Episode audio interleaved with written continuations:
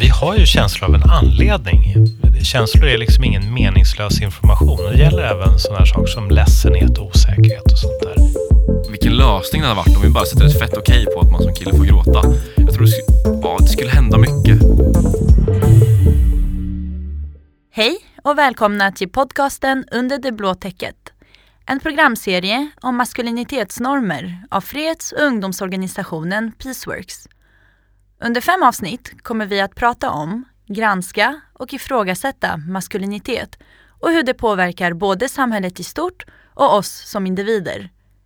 I det här avsnittet så kommer vi att prata om temat hälsa och känslor tillsammans med vår moderator Agnes och gästerna Mårten och Peder. Men vi börjar med en kort berättelse. Jag tänker på när jag började ettan på gymnasiet. Jag brukade umgås med två tjejer som jag kände sedan tidigare. Jag mådde väldigt bra och var som person väldigt fnissig och lite känslig. De andra i klassen började efter ett tag att kalla mig bög för att jag inte var typiskt killig. De retade mig för det. Jag blev mer och mer utfryst ju längre tiden gick. Till slut så ville jag byta klass för att slippa alla kommentarer. Jag var precis på väg att byta. Men så började det en ny kille i klassen som jag lärde känna. Och jag, den nya killen och en annan kille i klassen började plötsligt hänga. Så jag blev kvar. För att passa in bland killarna slutade jag umgås med mina två tjejkompisar och hängde istället bara med de två nya killkompisarna. Jag började också snacka och vara på ett annat sätt. Mer som de andra killarna i klassen. De som tidigare hade retat mig. Den person jag var när jag började i ettan försvann mer och mer. Jag heter Peder Björling. Jag är här eh, idag eftersom jag engagerade Suicide Zero och eh, jag är psykiater och psykoterapeut. Mårten Granlund heter jag. Eh, jag grundade i år eh, under Kevlaret som är en ideell förening för eh, killars psykiska hälsa kan man säga. Jobbar mot machokulturen och för att få killar att prata känslor. Vad tänker ni när ni hör den här berättelsen? Det är ganska ledsamt att höra tycker jag om en person som mår ganska bra och har kompisar som eh, han trivs med och sånt där och på grund av den här starka önskan som vi alla har att passa in måste börja justera sig utifrån och säga helt idiotisk machomall om att killar gillar vissa saker och är på ett visst sätt. Jag tänker att det är den åldern också, när man börjar gymnasiet, så är det så jäkla viktigt. Att känna att man passar in, att man blir omtyckt, att man har kompisar. Det är bland det viktigaste i livet just då. Tror ni att just att han blev kallad för bög, att det spelade stor roll i, i den här övergången till att bli mer som de andra killarna? Många gånger så kan man ju faktiskt vara utsatt som homosexuell. Alltså jag, jag kan tänka mig att det måste vara jättesvårt att växa upp idag som homosexuell eh, i, i och med de normer och mallar som samhället har liksom skapat. Eh, så absolut. Jag känner ändå från när jag var ung, jag är ju liksom typ över 40 år gammal, men jag kommer ihåg det från när jag var yngre, att det bög kunde användas som skällsord eller bögigt killar emellan. Att det var som bara helt automatiskt att det var någonting dåligt som man då ska så att säga, ta avstånd från genom att inte skratta på ett visst sätt eller inte prata på ett visst sätt eller inte gilla vissa saker eller vad det nu kan vara. Jag, jag, jag tänkte faktiskt inte själv på att undra om det finns någon här i den här gruppen, i den här klassen som faktiskt är homosexuell, som hör allt det här hända. Mm. Mm.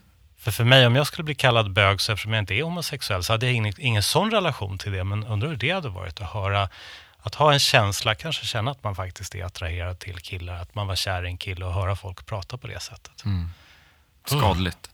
Och, eh, Jätte, jätteskadligt. Att få höra att så som du är, är dåligt att vara. Så som du kanske känner är inte rätt att känna. Mm. Det är också faktiskt sånt som bidrar till psykisk ohälsa. mm. Men i den här texten, så, den här berättelsen, så han beskriver sig själv som eh, väldigt fnissig och lite känslig. Mm. Eh, varf- varför blir det bög utifrån de egenskaperna eller den personligheten? Eh, Han st- står utanför mallarna för vad förväntningarna på, på en som kille. Vad man förväntas att vara, hur man ska vara. Om man inte är som en typisk kille, då är man antingen tjej, och det är han ju inte, eller så är man bög. Mm. Det finns inga Mm. alternativ Mm. kvar. Det är så få former att passa in i. Ja, väldigt deppigt. Och som sagt, det hindrar en att kunna vara sig själv. Mm. Han kan ju absolut inte vara sig själv. För det är, om han mådde bra och var trygg i den här relationen med de här två tjejkompisarna så är det, det är väl där han vill vara egentligen. Har du tänkt på varför känsliga killar upplevs som mer feminina och varför det anses vara negativt? Det är till exempel mer accepterat för en tjej att bete sig på ett sätt som vi tycker är maskulint och umgås med mycket killar än vad det är för en kille att bete sig mer feminint och umgås med bara tjejer. Om vi utgår ifrån att det är män som har störst makt i samhället kan vi då dra slutsatsen att tjejer klättrar i makttrappan genom att bete sig maskulint medan killar sjunker i makttrappan genom att bete sig mer feminint. Jag är en väldigt känslosam, väldigt känslosam människa. Men jag har nog haft, jag har haft väldigt mycket tur med mina vänner och det har vuxit upp och att jag har blivit accepterad som känslosam. Men eh, det har absolut hänt att min sexualitet har, ifrågasatts för att jag utåt är en känslosam kille. Mm. Och det är väldigt intressant att det ska vara kopplat så, för vi är alla människor med samma mänskliga behov. Tycker du att det har blivit skillnad då? Jag menar, tänker en sak på högstadiet och sen gymnasiet och nu är du över 20. Har det förändrats det när man blir äldre?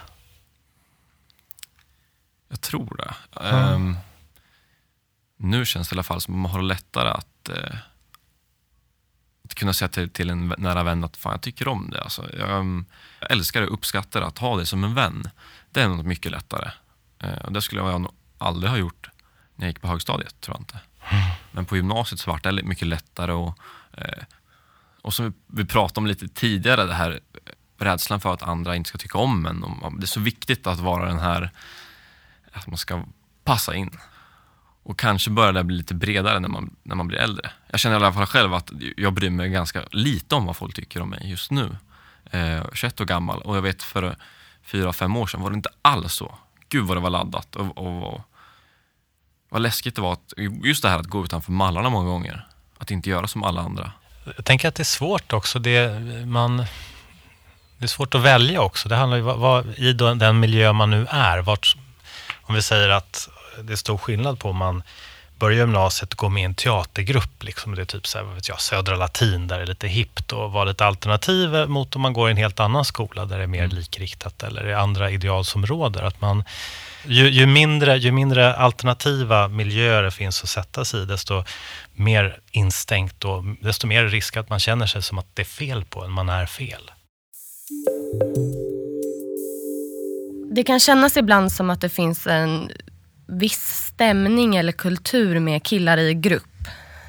Att det finns vissa regler som gäller där, vad man får prata om och, och inte prata om. Um, vad tänker du om det Mårten? Av egen erfarenhet så, så har, har jag en tydlig bild av vad det där kan vara. Um, vad jag gör egentligen eh, med mitt projekt kan man säga, och som jag själv gör i, i vardagen nästan, eh, i mötet med killar, att man plockar ur killar ur sitt sammanhang bland andra killar. För vad som händer då, att liksom det här behovet att hävda sig eh, och, och som sagt de här mallarna som pratar om, att de försvinner lite. Att pressen inte är lika stor. Och ett bra exempel är, jag hängde hos några, eh, några kompisar eh, och vi satt ute på en balkong. Först var vi tre stycken och så fort en, en av de här eh, gick in så blev det ett helt annat samtal. Skört och ärligt. Så där satt jag och min killkompis och vi grät lite. Vi pratade om sånt som var jobbigt, sånt som var tungt. Eh, vi kramade om varandra och sa att fan jag älskar dig och så, så gick han in. Och I dörren så möter han nästa kille som kommer ut och sätter sig. Och då har vi samma samtal igen, som är på en helt annan nivå. Också känslosamt. Man, har, man pratar om hur man mår och avslutar med att eh, jag har inte berättat det här för någon.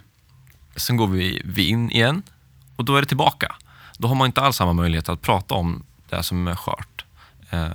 Men finns det någon del kanske i hur killar ska vara? Att man ska klara sig själv och inte vara beroende av, av eh, stöd. Vad tänker du? Ja, absolut. Alltså, jag kan tänka att det är klart att lite samma dynamik kan finnas för eh, liksom i den kvinnliga eller tjejkönsrollen också. Att man kanske inte är lika personlig i grupp och sådär. Men nej, absolut att det finns och det finns mycket forskning som visar att män eh, socialiseras till att försöka inte visa svaghet på olika sätt. Då.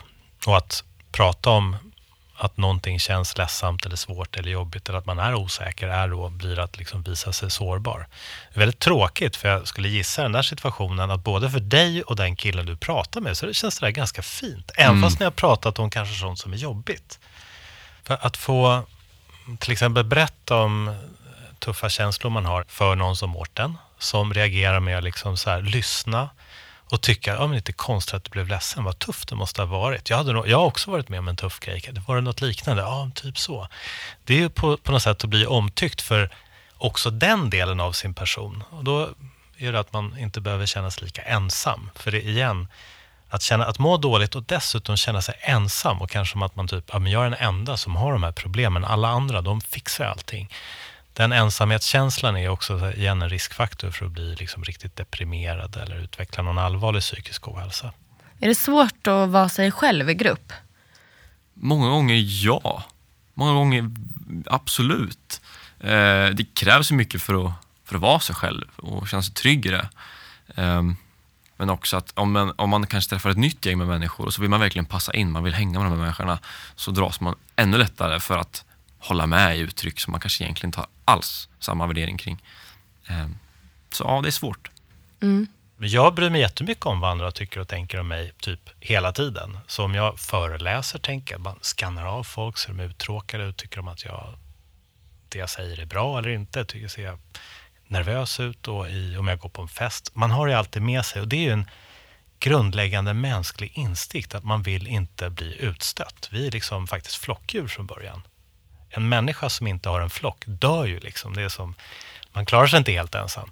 Men är det som någon slags falsk föreställning då om att, om att gruppens intresse är, är något helt annat än vad det egentligen är? Ja, hur ska man veta att gruppen kan acceptera mig på olika sätt om de mest pratar om öl och fotboll. Nu, nu ska jag inte säga att manlig kultur är så, men det finns ju liksom den där lilla dragningen, någonting där det ska vara som lite coolt. Varför har så många killar svårt att prata om känslor och om hur de mår?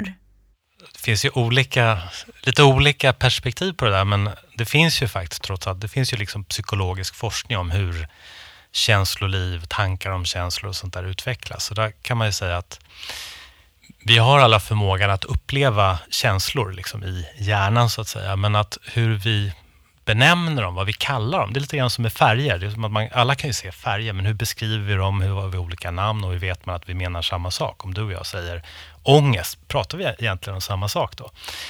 Det är någonting vi också får träning i när vi växer upp. Och först är det liksom den närmsta miljön, typ föräldrar eller när omgivningen. Och sen blir det då, när man börjar i skolan, så blir det andra som hela tiden det är, som, det är lite grann som att lära sig språk. Man gör det tillsammans med andra. Man får feedback på det man gör, det man säger, hur man är.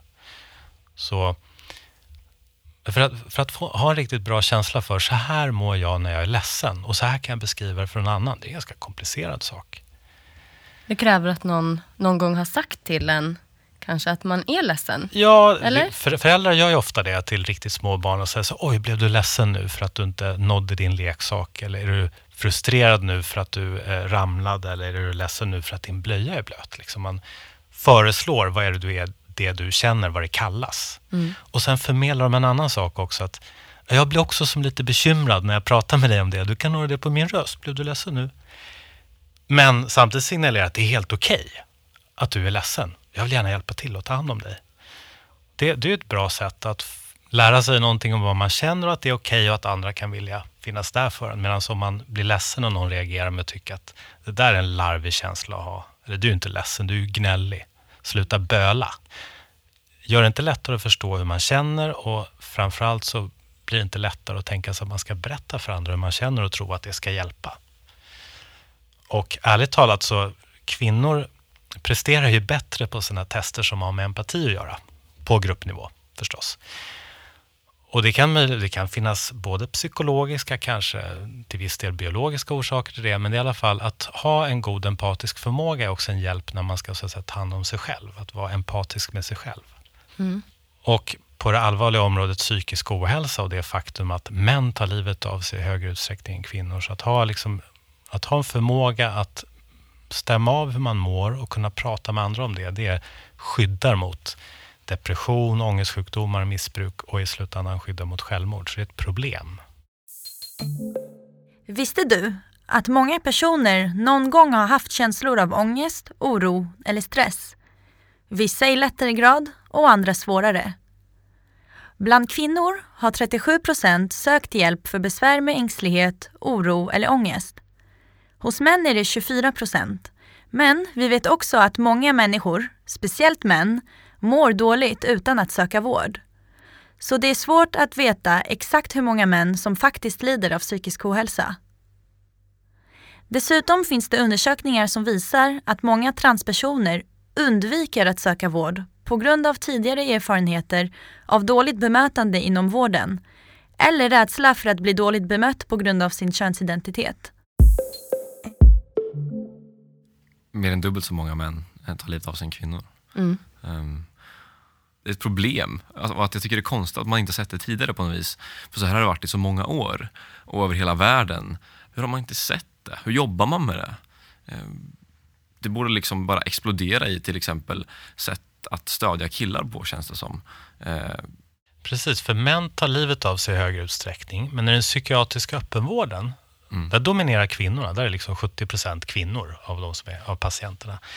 Så man kan säga att problemet med att missa personer som mår riktigt dåligt är, men är något större när det gäller män. Sen finns det samtidigt en annan typ av ojämställdhet eller ojämlikhet som är att kvinnor faktiskt i högre utsträckning är sjukskrivna för psykisk ohälsa till exempel. Så det är inte som att kvinnorna är några stora vinnare Nej. på psykisk ohälsoområdet. Men just det där att få vård i tid. Mm. Där verkar män ha dragit det kortaste strået. Jag undrar vad det skulle innebära för eh, till exempel mäns våld mot kvinnor. Eh, verkligen, om man jobbar med mäns hälsa, vad det skulle innebära för kvinnor. Det är jätteintressant.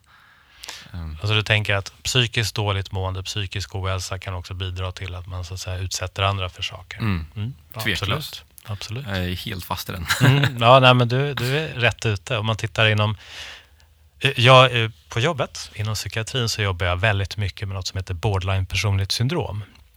Vad är det? Det, det är ett personligt syndrom som borderline är ganska så omtalat. En person som har ganska svårt att reglera sina känslor när det blir väldigt intensivt, kanske är mer impulsiv än andra.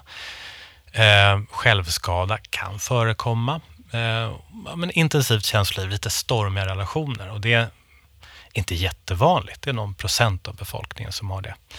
Men jag tänkte säga något om könsaspekten här, den andra aspekten, och det är att eh, ja, 80 procent minst av våra patienter är kvinnor.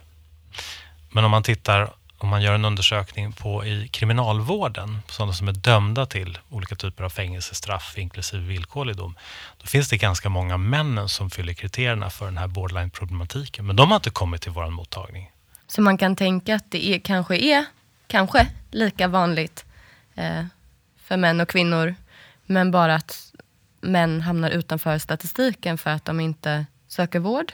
Jag kan tänka att samma problem då, eh, typ att ha svårt att reglera sina känslor, att ha lite svårare att kontrollera impulser, kan uttrycka sig på olika sätt beroende på om man är man eller om man är kvinna eller vilken, vilken så att säga, könsroll man har hamnat i. Men det är ändå igen en slags grupp personer som kanske skulle behövt psykologisk och psykiatrisk hjälp men som vi missar för att de, vi känner inte igen det som psykisk ohälsa.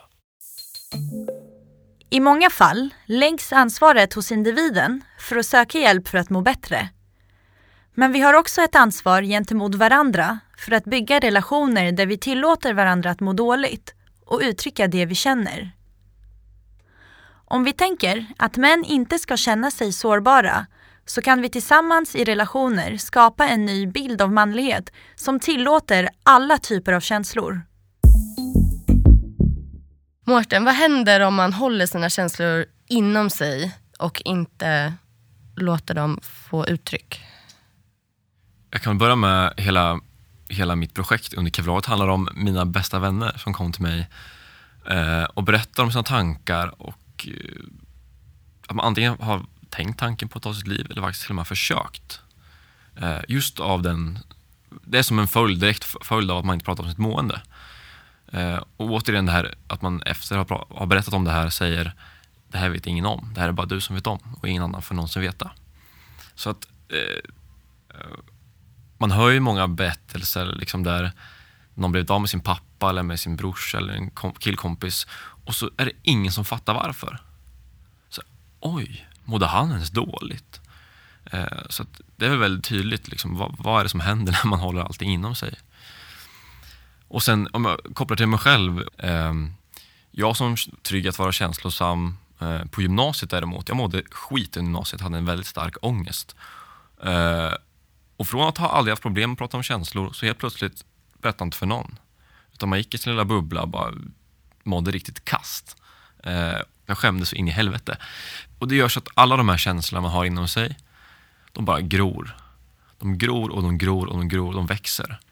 Eh, från att, att ha svårt med att andas till att vi åkte, jag och min dåvarande flickvän åkte bil hem från, från, eh, från Motala hem till Vadstena. Och jag sa vi måste stanna bilen, jag kan inte köra längre. Eh, just för min ångest och jag inte kan andas. Så hon tar över och kör och där sitter jag bredvid och bara skäms och gråter för att jag skäms. Shit, varför kan jag nu inte köra bilen hem ens? Fy fan vad pinsamt. Eh, och sen eh, fortsatte det här, man bara, man bara döljer det liksom inom sig.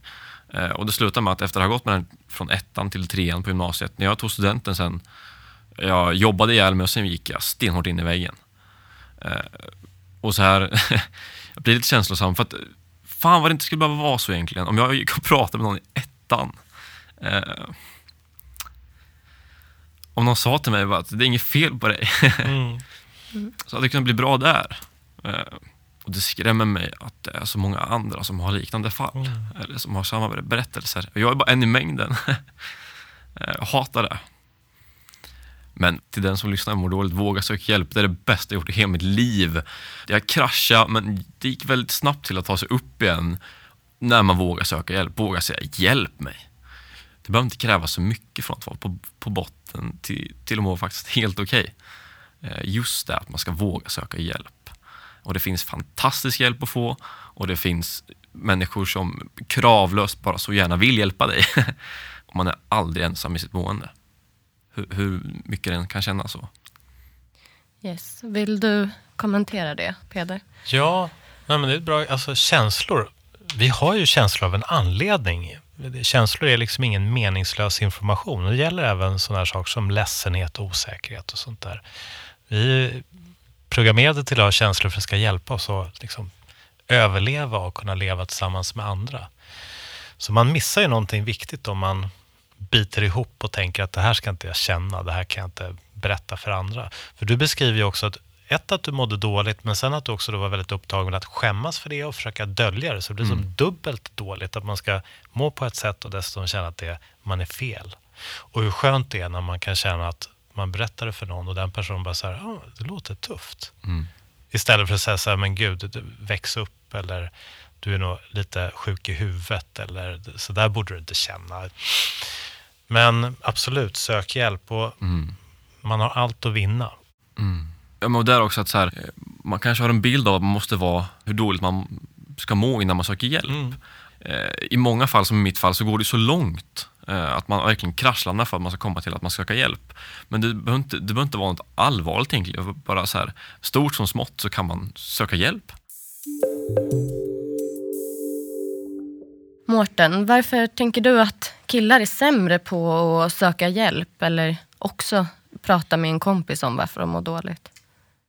Ja, alltså de, de killar jag har mött, alltså det uttrycks nästan alltid det här att det här jag berättar för dig har jag inte berättat för någon annan och någon annan får absolut inte veta. Eh, och man frågar varför, vad skulle hända om någon annan fick reda på det? Nej men det går bara inte, säger man då. Det går inte, ingen får veta. Så att, kan det vara en väldigt stor skam som sagt. Eh, just för att man som kille inte ska vara sårbar, man ska inte må dåligt. Eh, men också det här att man har en tanke kring att vad folk ska tycka om en om man uttrycker det. Eh, att det är väldigt läskigt och att man är rädd för det.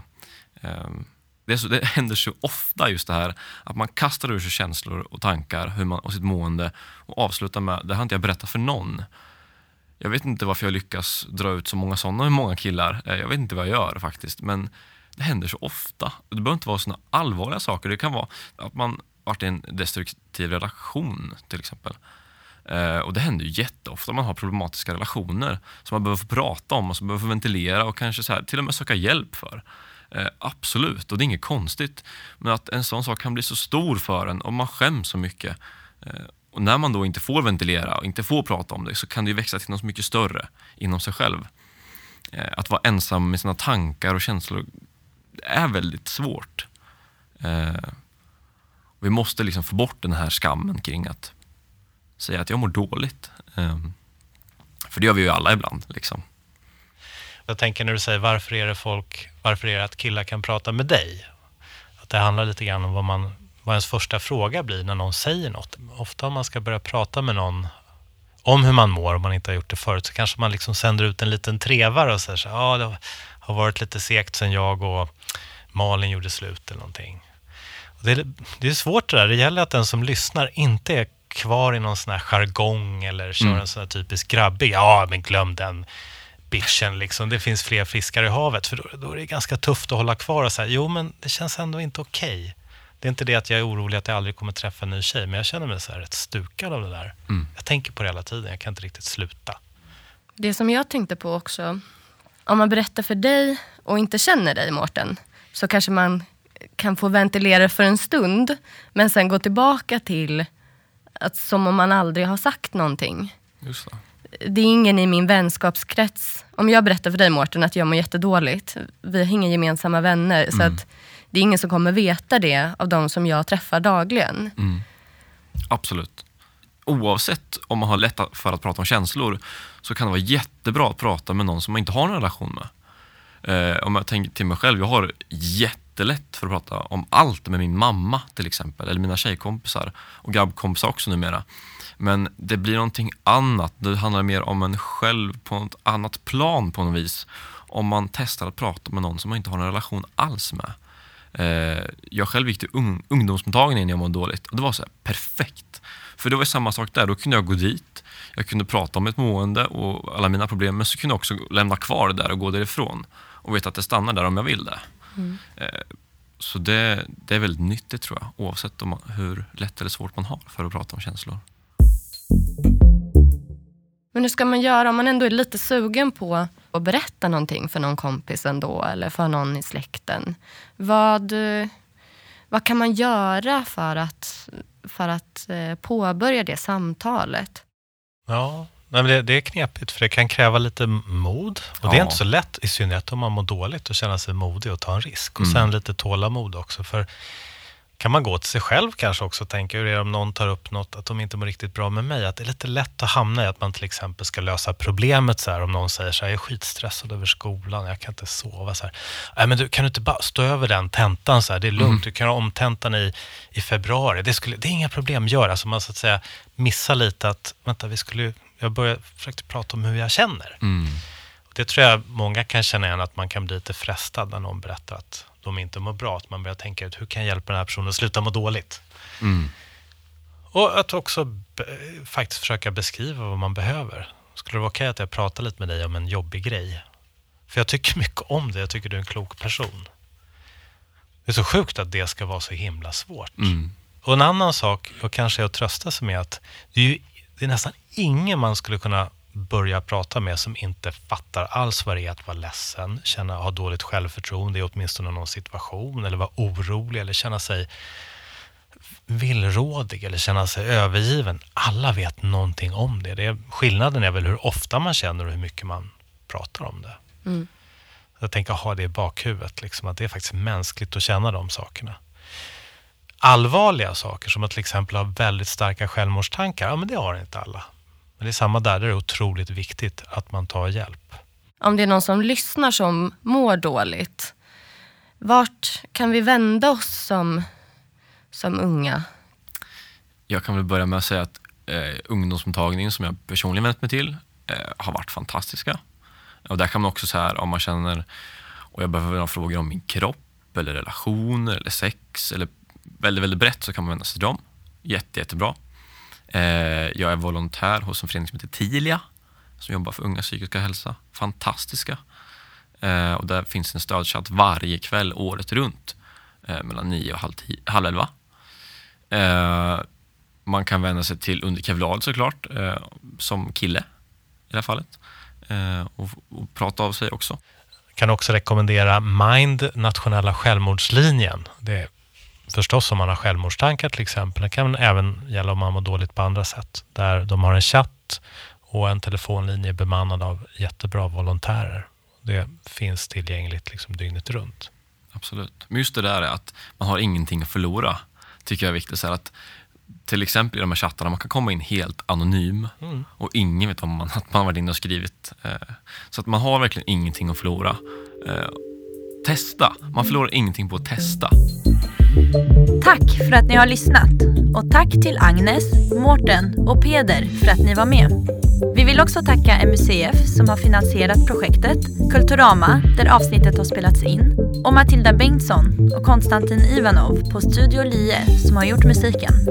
Tack också till Jonas Thornberg och Jens Arnstad som har stått för klippning och hjälpt till med produktionen. Vill du veta mer om det vi har pratat om eller lyssna på fler poddavsnitt så kan du göra det på Peaceworks hemsida peaceworks.se